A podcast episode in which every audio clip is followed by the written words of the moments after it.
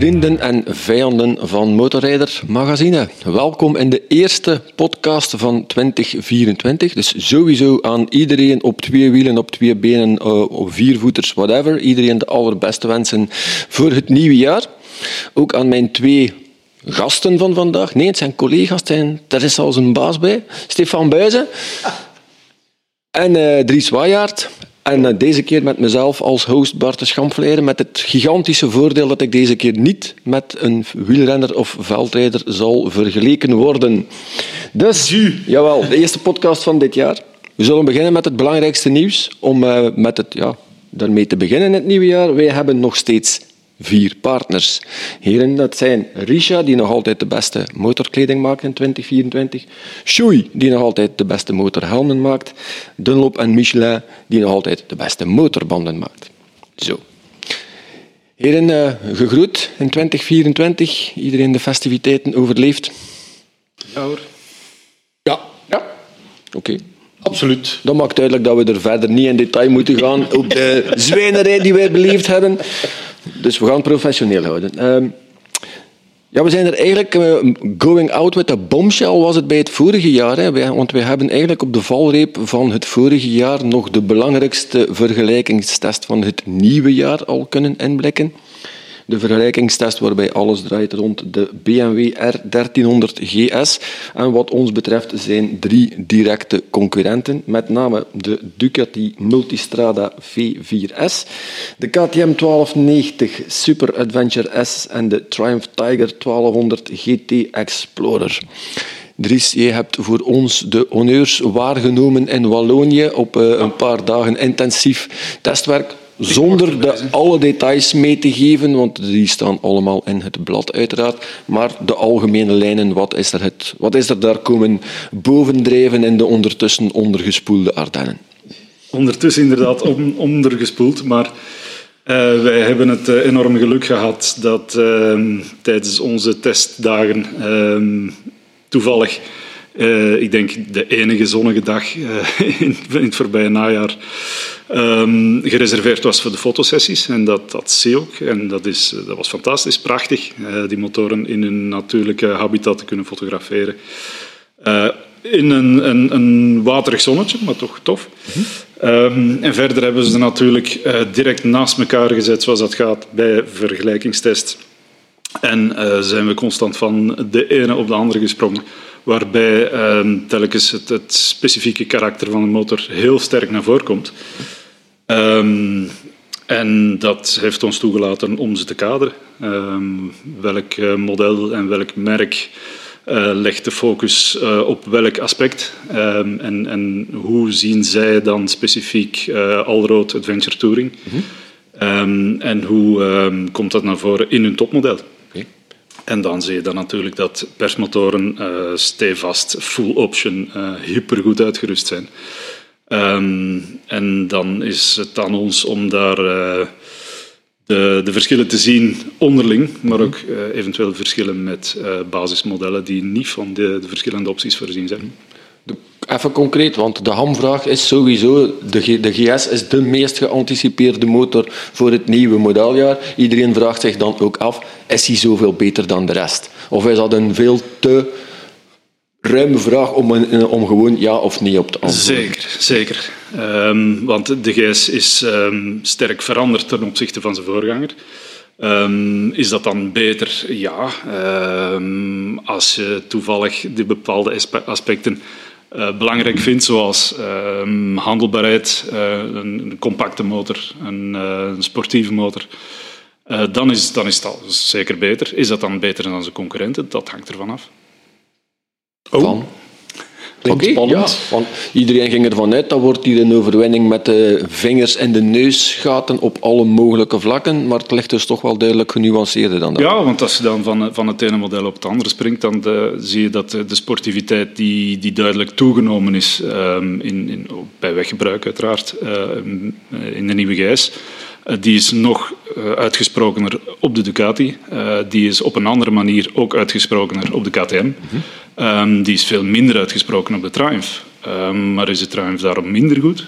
Dat is nog maar de vraag. Ja, Dus het is sowieso duidelijk dat deze vergelijkingstest ook de gemoederen beroert, want uh, het blad waarin uh, dat deze vergelijkingstest staat ligt momenteel al in de winkel. Door een paar coronabesmettingen de voorbije weken hebben we met deze podcast ook een paar weken vertraging opgelopen. Vandaar dat het nummer al in de, in de winkelrek ligt. En het is ook opvallend, wij wisten dat, wij gingen ervan uit dat dit de meest geanticipeerde vergelijkingstest zou zijn. En we zien dat ook aan de feedback van lezers die we kregen. Uh, mensen zijn het eens of zijn het niet eens met, uh, met wat we geschreven hebben. Dus dat, we zijn daar sowieso ook heel blij mee dat mensen effectief ook uh, ons, ons, hun feedback geven. Dat geeft ons meer uh, ja, kennis ook van wat, wat, wat onze lezers ervan vinden. En het, is, het toont ook de betrokkenheid met het blad. Dus daar zijn we sowieso ja, blij absoluut. mee. Mensen moeten dat geen schroom hebben om ons dat te nee. blijven sturen. Nee, nee, absoluut niet. Met plezier zelf. Natuurlijk. Um, allee, wij, of, of laten we zeggen, wij hebben een heel groot referentiekader. Want we hebben, of jullie, of wij hebben zo met quasi alles gereden dat er ooit de laatste 10, 15 jaar op de markt gekomen is. Dus het referentiekader is iets anders, of toch iets uitgebreider. Plus dat wij de unieke, allee, het unieke momentum hebben dat wij op diezelfde moment van de ene op de andere kunnen hoppen. En dat je dan de verschillen uh, heel duidelijk kunt gaan voelen. En dan is het natuurlijk de professionaliteit uh, van de motorjournalist om te zien, oké, om alles een beetje in perspectief te zetten. Naar alle gebruiken. Natuurlijk is het ook zo dat u, ik zie dat nu bij mijzelf ook, over mijn Tenere 700, uh, als ik zie hoe dat ik daar zelf over uh, even geëvalueerd ben, buiten de eerste testritten en dan nu na 15.000 kilometer, dan is mijn mening al iets genuanceerder, zal ik maar zeggen. Omdat ook ja, motorrijden blijft, hoe objectief dat we het ook proberen aan te pakken, het blijft natuurlijk ook iets heel subjectiefs. Hè. De ene persoon heeft gewoon vindt een boxer aangenamer om mee te rijden, de andere vindt een, een, een driecilinder aangenamer. De ene persoon die gaat heel veel aandacht besteden, of voor hem is windbescherming superbelangrijk, omdat het een motor is om dagelijks mee te pendelen. Anderen gaan dan weer op handelbaarheid uh, inzetten. Dus de invalshoeken van, van, van lezers en van testers en van motorrijders toekoer is altijd wel iets anders eigenlijk. Hè. Ja, je probeert die natuurlijk wel een beetje te vertalen hè, in alle richtingen, maar je gaat wel... Allez, Zeker als je van de ene op de andere springt, ga je dingen merken die je misschien in een solo gebruik uh, niet direct zijn opgevallen. Ja, ik kan dat voor een stuk zelf ook nu beamen, heel concreet met de 1300 GS die in deze vergelijkingstest zit, die jij, Stefan, in, uh, in Spanje getest hebt onder ja. ideale omstandigheden, want zo worden motorpresentaties ook wel opgevat natuurlijk. Hè. Motoren worden altijd in zonnige oorden voorgesteld, goede omstandigheden, zelden uh, saaie snelwegritten. Ondertussen hebben wij die 1300 GS zelf in duurtest genomen.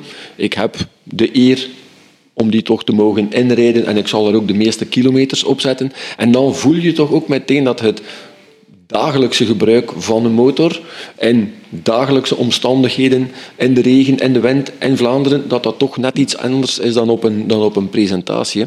Vandaar dat die, die duurtest voor ons toch ook zo, zo waardevol zal zijn op langere termijn. Ja, en ook omdat we daar ook wel gekozen hebben voor een basisversie, hè, ja. uiteindelijk. En, uh, want dat is, uh, ja, uiteindelijk uh, kunnen nu 84.000 verschillende GS'en kopen, bij wijze van spreken. Ehm, maar wij hebben toch wel, allez, voor een redelijk basic model of qua uitrusting zijn we heel basis gegaan. Omdat we dan, dat geeft onze vrijheid om er zelf dingen mee te gaan doen of andere accessoires te gaan op het pleuren. Uh, maar daar komen dan ook alweer een aantal nadelen. Hè? Maar omdat jij windgevoelig bent, ja, maar... rijwindgevoelig bedoel ik dan wel.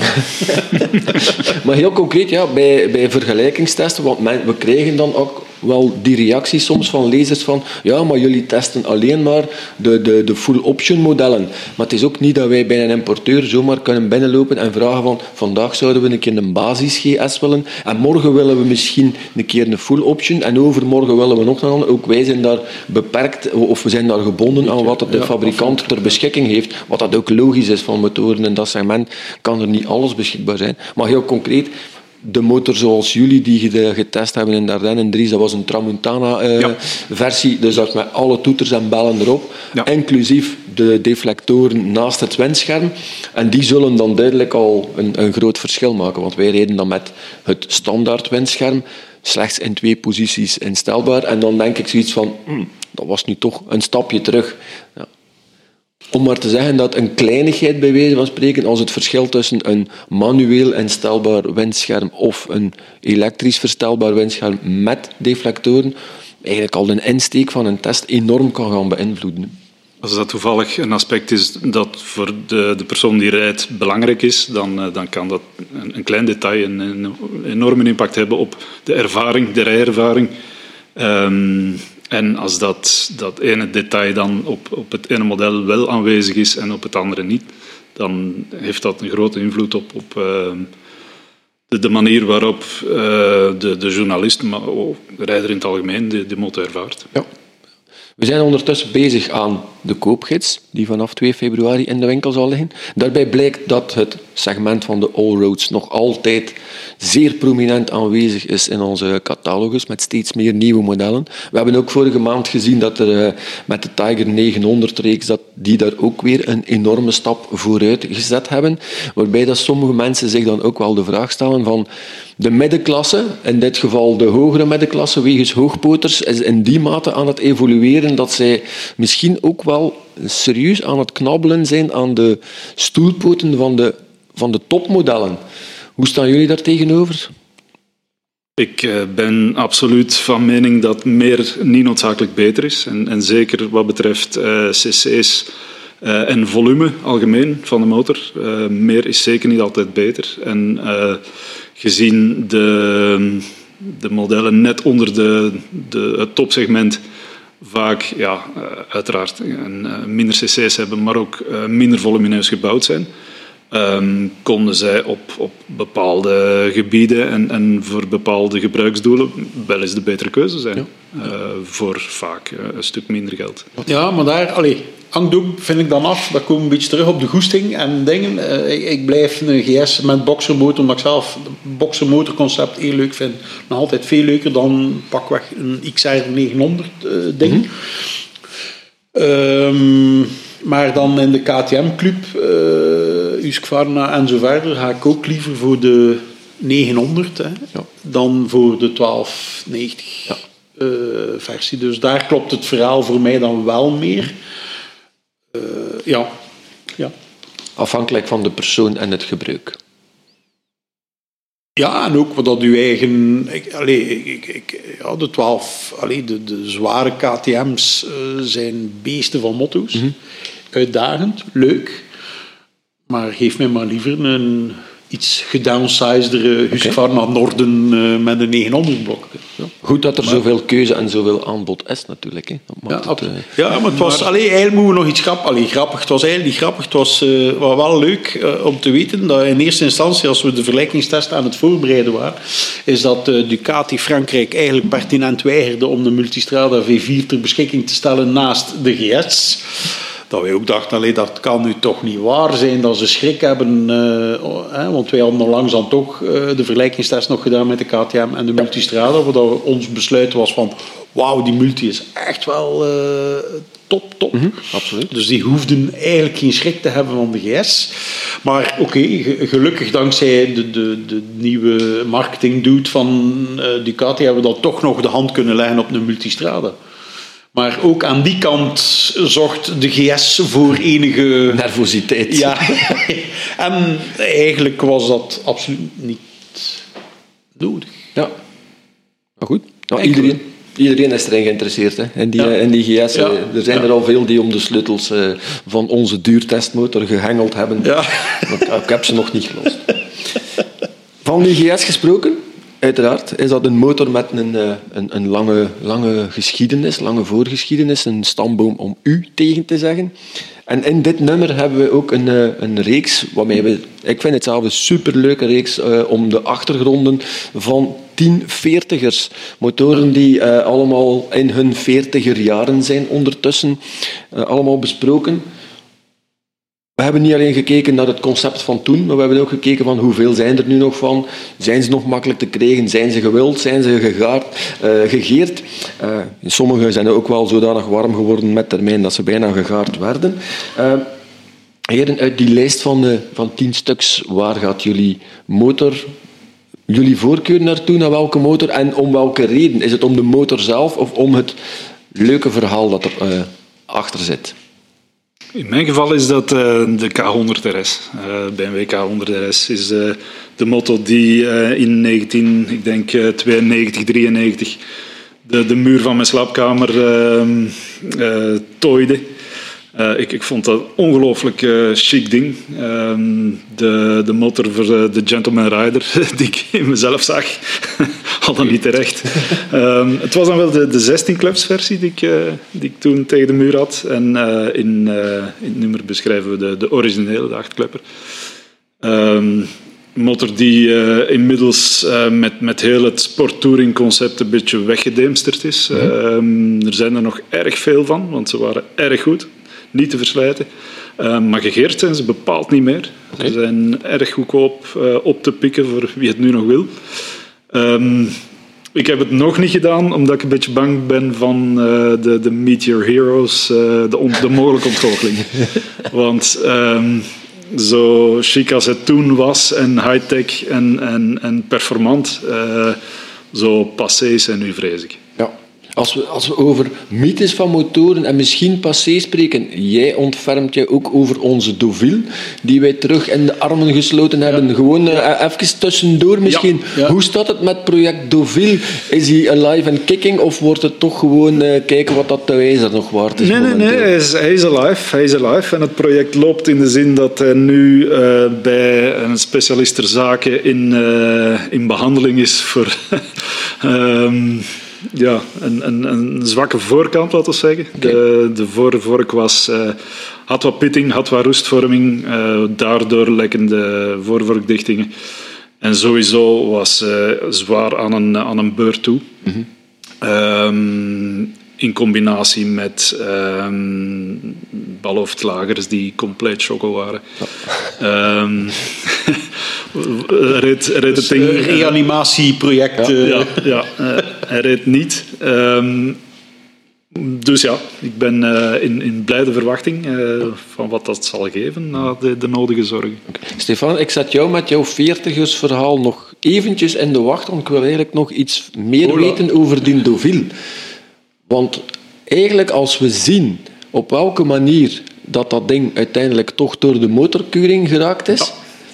dat was ja, ja. Eh, om de haren uh, recht van omhoog te komen. Hè? Ja, zeer opmerkelijk. Ik heb uh, die keuring niet zelf uitgevoerd, um, maar ik heb me erover verbaasd dat er een, een volledig blanco groene kaart afgeleverd is, terwijl die moto aantoonbaar uh, lekkende...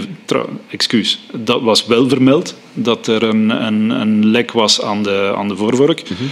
Maar als opmerking en geen reden om hem af te keuren. Okay. Uh, maar persoonlijk storender vind ik het feit dat die balhoofdlagers uh, ja. echt een, een gevaar voor de stabiliteit... Keer, hè, want voor alle duidelijkheid, uh, we hebben hem twee keer gekeurd, omdat bij, na de eerste keuring hebben we het lang gewacht om de papieren binnen te doen, waardoor dat hij weer vervallen was. Ook al zoiets idioot. Omdat wij zo graag naar de keuring gaan, ook natuurlijk. Dat, dat klopt, omdat die keuring zijn maar twee maanden geldig. Mm -hmm. wat ook al... Allee, compleet van de pot gerukt is eigenlijk. Maar die is eigenlijk twee keer gekeurd geweest met, uh, met datzelfde fantastisch niet draaiende balhoofd. Wat eigenlijk wat veiligheidsissue puur veiligheidsissue Laat ons daar niet over lullen. Ja. Dit hadden ze moeten zien, dit hadden ze moeten afkeuren. Zo simpel is het. Ja. Dus wij gaan daar straks ook op de website nog wel ruimer op terugkeren over het eerste jaar motorkeuring. Ja. We zullen onze ervaringen daar delen en we gaan daar ook de lezer in betrekken om ook daar weer een zo goed mogelijk algemeen beeld te krijgen van wat die keuring in zijn eerste jaar opgeleverd dan wel uh, in de positieve zin dan in de negatieve zin uh, heeft gedaan. Ja. Dus, okay. En dan nu? Stefan, ja, mijn 40-jarige is de MZ ETZ 250. Ik heb al sowieso uh, um, door het boek van Matt Oxley, Stealing Speed. Uh, een aanrader, heel moeilijk te krijgen, nieuw sowieso niet meer te krijgen, hopelijk tweedehands. Maar trouwe lezers kennen het verhaal wel. Dat het Oost-Duitse MZ qua technologie eigenlijk, hoe moet dat zijn? Aan de wieg stond voor de latere Suzuki, Yamaha, mm -hmm. Honda tweetaktoverwinningen uh, overal. Dat gebaseerd was op de kennis en ontwikkeling van Walter Kaden, die toen uh, de ingenieur was voor MZ. Uh, ik heb het geluk gehad om zijn zoon te ontmoeten en ik heb het geluk gehad om het museum in Schopau te bezoeken en nog een paar oude artefacten van de fabriek. Uh, maar vooral de ontmoeting aan het graf van Walter Kade met zijn zoon was uh, fantastisch. Ja. Uh, heel speciaal. Dus ja, Dienen MZ trekt natuurlijk direct mijn hart wat losser. en ook de tweetakt is, maakt mij ook wat blijer, zal ik maar zeggen. Maar het verhaal wat erin staat, wist ik zelf niet. Dus dat maakt het dubbel zo leuk dat hij eigenlijk gewoon in de Neckerman-cataloog te krijgen was. De, voor onze regio's noemt dat de Trois Suisse. Ja. Voor de iets oudere mensen onder ons. Daarna heeft Hein Gerike nog geprobeerd het ding verkocht te krijgen met goedkopere en nog goedkopere en nog goedkopere prijzen. Met natuurlijk op lange termijn het failliet van het ding. Ja. Maar ik vind het verhaal wel fantastisch. Ja. En ik kende het niet. Dat vond ik eigenlijk al heel die 40 jaar uh, uh, reeks. Uh, zijn er toch een aantal verhalen en modellen met details waar ik ja, niet van op de hoogte was. Ondanks 30 jaar in de motorbranche te zitten. Ja, maar dat is het leuke aan die, aan die reeks ook. Het zijn daarvoor niet allemaal iconische modellen, of het zijn niet allemaal modellen die bij iedereen tegen de slaapkamermuur gegaan hebben. Nee. Er, zijn, er zitten gewoon ook een aantal messers tussen, hè, motoren die jammer genoeg gefaald hebben. Zoals mijn motor uit de lijst, de Honda XLV 750R. Een bakbeest van je welste. Uh, maar met cardan, dat met wist cardan. ik niet. Dat met toen cardan. Honda al een offroad motor had met cardan. Allee, of een trailmotor ja. met cardan. Dus. Drie, kwart, uh, drie kwart liter, 220 kilo uh, droog aan de haak. Ja. En met een indrukwekkend frame van vierkante stalen buizen. Het is echt een eeuwigheid geleden dat ik zo'n industrieel ogend frame gezien heb. Uh, ja, maar ik, het leuke aan dat verhaal vind ik dat de evolutie van een motor, wij focussen zeer vaak op de, de succesvolle motoren in de geschiedenis, maar we hebben ook in de ontwikkeling van producten hebben we messers nodig om uit die fouten te kunnen leren. Mocht alles meteen goed zijn en, en nooit kapot gaan, dan zit er ook minder, denk ik dat er minder snel vooruitgang geboekt wordt. En die, die, die Honda is duidelijk een van die voorbeelden van. Dat is ook, denk ik, de, de R80 GS had dan was iets totaal nieuws. De concurrentie, hoe we daarop reageren. Hoe gaan we dat doen? Op welke manier gaan we dat aanpakken? Het was nog een totaal nieuwe markt. Iedereen ja. dacht in alle mogelijke verschillende richtingen met zeer goede en ook zeer slechte ideeën en producten als resultaat. En dat vind ik net het boeien aan zo'n uh, zo'n verhaal. Hè. En de R80 GS was eigenlijk ook een heel onwaarschijnlijk concept. Ja. Om, om, dat te doen werken off-road. Uh, wie had dat verwacht dat dat zo'n succes zou worden? Ja, en eigenlijk een beetje in een achterschuuratelier ja. uh, ontwikkeld is en dan toch doorgeduwd geweest is, als ik mij de geschiedenis nog wat kan herinneren. Afhankelijk zonder steun van de fabriek zelf, omdat daar ook geen heel in, uh, niemand heel in zag. En het is pas... Ja, het is pas nee, leuk, uh, absoluut. Uh, allee, het is misschien raar dat we dat nu zeggen over onze eigen artikels, maar het is eentje dat we bewerkt hebben, zal ik zeggen. Van, ja. En met veel, zelf met veel plezier bewerkt hebben, ja. moet ik zeggen. Leuk. Is, dat, dat was geschiedenis. uiteraard gaan wij ook vooruitkijken, want het is een nieuw jaar. We zijn 2024 hebben wij aangesneden. Dus heren, ik heb drie algemene vragen voor jullie. Even uh, vooruitblikken naar 2024 en dan heel specifiek naar welke motor kijken jullie heel erg uit. Jij gaat heel binnenkort al met twee nieuwe motoren rijden. Je gaat, uh, ja. Dries, jij gaat naar de nieuwe Africa Twins en naar de... Kawasaki Eliminator 500. Dat zijn ja. twee redelijk verschillende apparaten. Compleet verschillend, ja. ja. ja. En ze worden op en, enkele dagen van elkaar eh, voorgesteld eh, in het zuiden van Europa, uiteraard, op eh, een paar honderd kilometer van elkaar. Kies de juiste outfit voor de juiste motor. Ja, Want eh, ja. met- zo'n dual-purpose helm op een eh, 500cc cruiser, dat gaat er echt niet uitzien. Bestaat er nog zo van die jasjes met friemeltjes? Ah, ja, ja, dat zou wel wel. passend Ja, zijn. eh. Ik heb er zelfs nog één. Ja, oké. dus we, maar allemaal, die fotoposters van die BMW. eh. we kijken allemaal uit naar die foto's. Iets later valt carnaval en dan komt dat boven. Ja. Ik kijk al uit naar de foto's. Ja, absoluut, Ja. ik ook. Maar los van die twee eh, perspresentaties waar je naartoe gaat... Los van die twee heb ik eh, een aantal dingen in de agenda eh, al staan waar ik erg naar uitkijk. Ik, ik ben bezig met een reeks over rijopleidingen. Eh, ik heb al een trailopleiding, sorry, een trialopleiding gedaan. Eh, er komt een crossopleiding bij, een circuitopleiding in hopelijk verschillende niveaus. Ehm, dus daar kijk ik naar uit. En dan eh, in juni eh, wordt de Scooter Rally georganiseerd in de Ardennen. Dat is een, een, een carnavaleske bedoeling eh, op ehm, historische scooters in diverse stadia van verval, wellicht. Ehm, maar dat ziet er een, een heel tof concept uit en daar kijk ik naar uit. Oké. Ja. Stefan, welke, welke motor zal volgend jaar jouw hart sneller doen slaan? Ik hoop de Motomorini Corsaro Sport. Oké. Dat, eh, allee, ik heb dat al misschien gemeld of geschreven, eh, dat ik eh, op Milaan vond ik dat een- beetje de verrassing. Eh, een 7,5 tweecilinderblok. Uit het quasi niets, zal ik maar zeggen. Eh, ja, eh, een beetje de VFR 800 eh, traditie, dus kijk er wel naar uit. Zo weer een sporttoerder. Ja. Dus eh, dat, dat eh, ja. Ik heb er twee die eigenlijk heel erg met elkaar in de weegschaal liggen. Want enerzijds eh, ook een Morini. kun je op één been staan, hè, u, u kennende. Uiteraard. De, eh, de Morini eh, Milano. Met dat, eh, met dat Corsa Corta blok van vroeger die terugkomt. Ik vind die, ik vind die styling eh, heel erg cool. Ziet er mij echt wel een Chique zeer, motor, zeer, zeer mooie motor uit.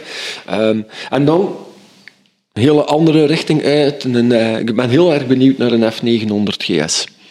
Met alles wat daaraan veranderd is, die, die toch veel all-road, off-road waardiger geworden is. Ik vond dat tot nog toe een zeer brave motor, zowel qua looks als qua rijgedrag vond ik dat. Maar als ik nu zie wat het er allemaal aan veranderd is voor modeljaar 2024, hoe ver dat ze dat weer uit elkaar getrokken hebben, die drie motoren die ze er in dat eh, hogere middenklasse aanbieden, en hoe specifiek van welke eigenheid, welke smoelles ze gekregen hebben, ben ik echt wel benieuwd naar, eh, naar die BMW. Ja. Ja, het, want ik... eh, ja, die hebben mij nooit kunnen charmeren eigenlijk. Nee. nee. Oké. Te cool, te... Ja. Ja, voor mij waren ze vroeger ook te cool. Maar nu, nu dat heeft echt, heeft echt een smoel gekregen. Ja. En ook 115 pk ondertussen. Daar kun je toch al een keer een dual-purpose achterband mee kapot rijden. Hè. Uiteraard, ja. Al is dat niet het ultieme doel. Hij is een stuk radicaler geworden en in die zin ook eh, sexier, denk ik. ja. Ja. Eh, De motorsportkalender van volgend jaar die zal uiteraard ook weer flink gevuld zijn. Naar welk evenement kijken jullie uit, heren? Waar, eh, welk weekend of welke dag mogen jullie, eh, worden jullie zeker niet uitgenodigd bij de schoonmoeder voor taart te gaan eten? Ja, eh, in de algemeenheid kijk ik er nu wel naar uit. eh Talk of Town natuurlijk. Of dat eh Marc Marquez op zijn Ducati nu iedereen eh, snot van voor zijn ogen gaat rijden of niet. Dat wordt al een spannend gegeven. Maar het meest unieke waar ik naar uitkijk is eigenlijk een evenement dat doorgaat eh, eind augustus in Sint Joris ten Distel of all places. Dat moet je situeren in de buurt van Aalter. Ja, tussen Alter en de redactie in Oostkamp. Hè? Voilà, voilà. Dus eh, beter kan niet. Eh, nee, het is een heel speciaal evenement, want in de jaren 70 eh, slaagden eh, die gasten erin om grote namen eh, naar Sint Joris ten Distel te, krijgen. Namen als Kenny Roberts, Julien van Zeebroek, we moeten toch een beetje chauvinistisch zijn. Ja. Ehm, Graziano Rossi, die kennen we ook wel ergens van. Ehm, En de zoon van de vorige organisator of bezieler, de zoon daarvan, die wil op een driedaags evenement eenmalig eh, dat doen herbeleven. Cool. Uiteraard zullen er geen races eh, kunnen plaatsvinden, maar er zullen wel demo, ja, demo runs zijn met die oudere motoren. Maar die heeft ondertussen, en dat vind ik dan ook heel positief, eh, de volle medewerker, medewerking gekregen van het stadsbestuur of dorpsbestuur. Hè. Dus die mag zelfs eh, de nationaal eh, die er doorloopt eh, afzetten voor het evenement. Dus allee, ik vind dat wel moedig en kijk er heel hard naar uit. En zeker omdat het een eenmalig evenement is. Want wij hebben vorig jaar of twee jaar geleden ook een reportage al eens gebracht over dat Ja. toenmalige circuit. Ik denk dat dat dan zelf met de supervelootje geweest is. Ja, Helemaal klopt. in het begin. Hè? Ja, Snelheid en Spektakel Ja. heet het boek. Dat is van de hand ook van Hendrik, die Mhm. dus nu het feestje in elkaar aan het Ehm, op basis daarvan, dus eh, ja, echt wijs. Ja. Dat gaat wijs zijn. Ja. Kijk Dries, ik naar uit. motorsportevenement. Ik heb het al weggegeven, eigenlijk, de, die scooterrally. Eh, ik beschouw dat als een motorsportevenement. Ja, het is te zien hoe ver dat we gaan moeten te voet gaan natuurlijk met dat ding aan de Ja. hand. Dus dat kan... eh, Er, er is een competitief aspect in de zin dat eh, je moet verkleed gaan rijden. Dus, Dus dan komt, die friemeltjesjas ja, weet, ja. wie weet, wie weet, wie weet. Oké, cool. Ja, eh, 7 en 8 juni eh, ben ik niet thuis. Dat is, dat is vrij duidelijk, want eh, na twee jaar 24 uur van Spa-Francorchamps zal het omgevormd worden naar een 8 uur race dit jaar.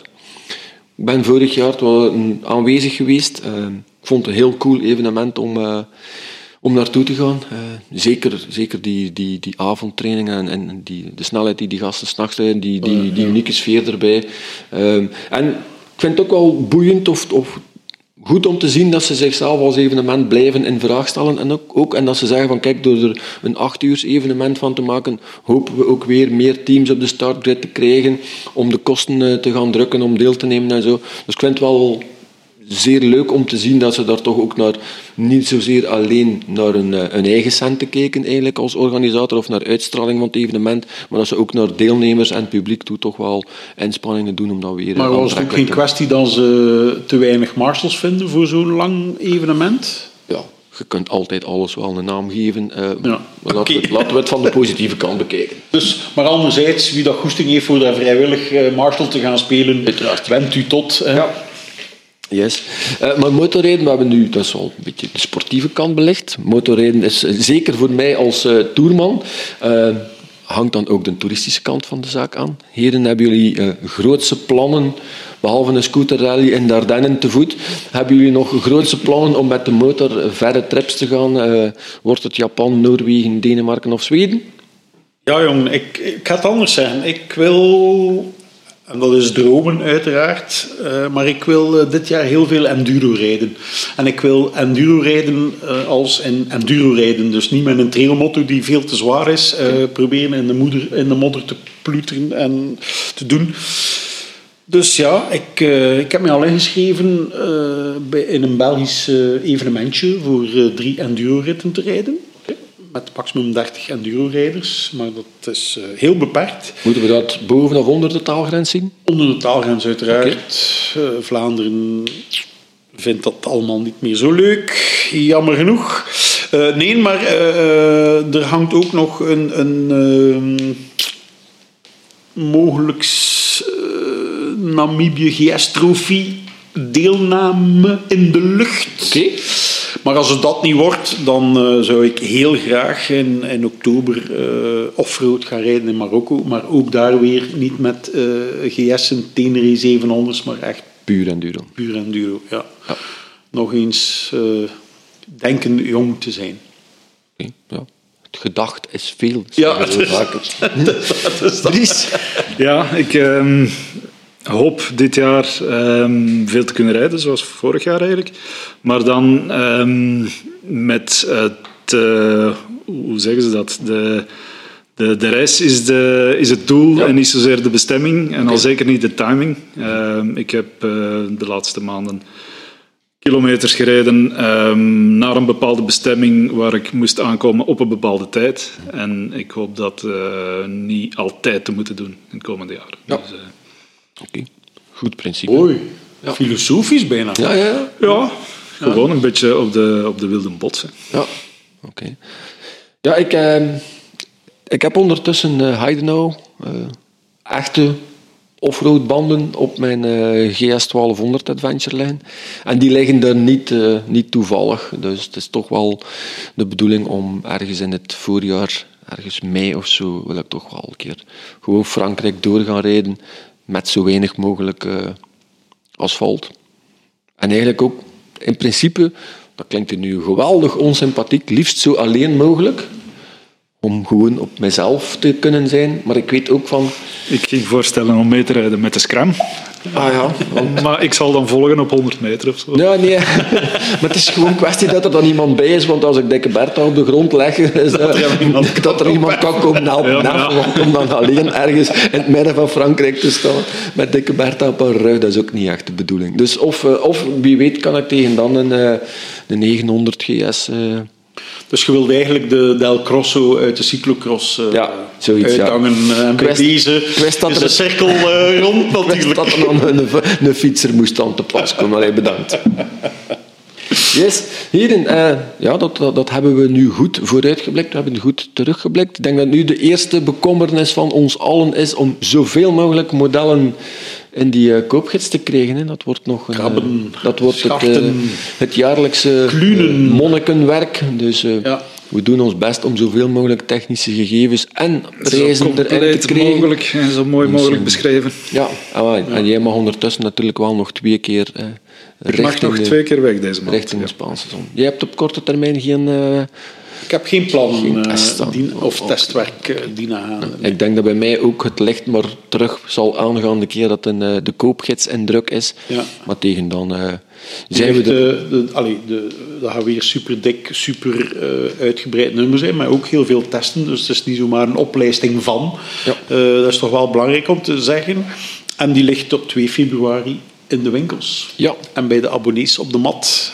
En we gaan er nog keihard in vliegen de komende weken eh, met dit monnikenwerk, want dat is het inderdaad wel. Ja. En tegen dat de nieuwe, eh, dat de koopgids er is, zullen we waarschijnlijk ook met de volgende podcast alweer eh, online zijn. Hè? Ja, Yes. Heren, bedankt. En wij tot de volgende. absoluut. Santé. Yep.